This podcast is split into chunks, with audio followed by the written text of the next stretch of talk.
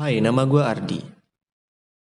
Setiap orang pasti pernah mengalami hal yang menyenangkan, hal yang menyedihkan, hal yang memalukan, bahkan hal yang disesalkan di dalam kehidupan. Menurut gue, semua pengalaman itu bisa kita tertawakan. Asalkan kita bisa mengamini bahwa pengalaman itu sudah terjadi di masa lalu dan biarkan itu jadi cerita lucu. Di podcast Aksara, tulisan kehidupan untuk ditertawakan.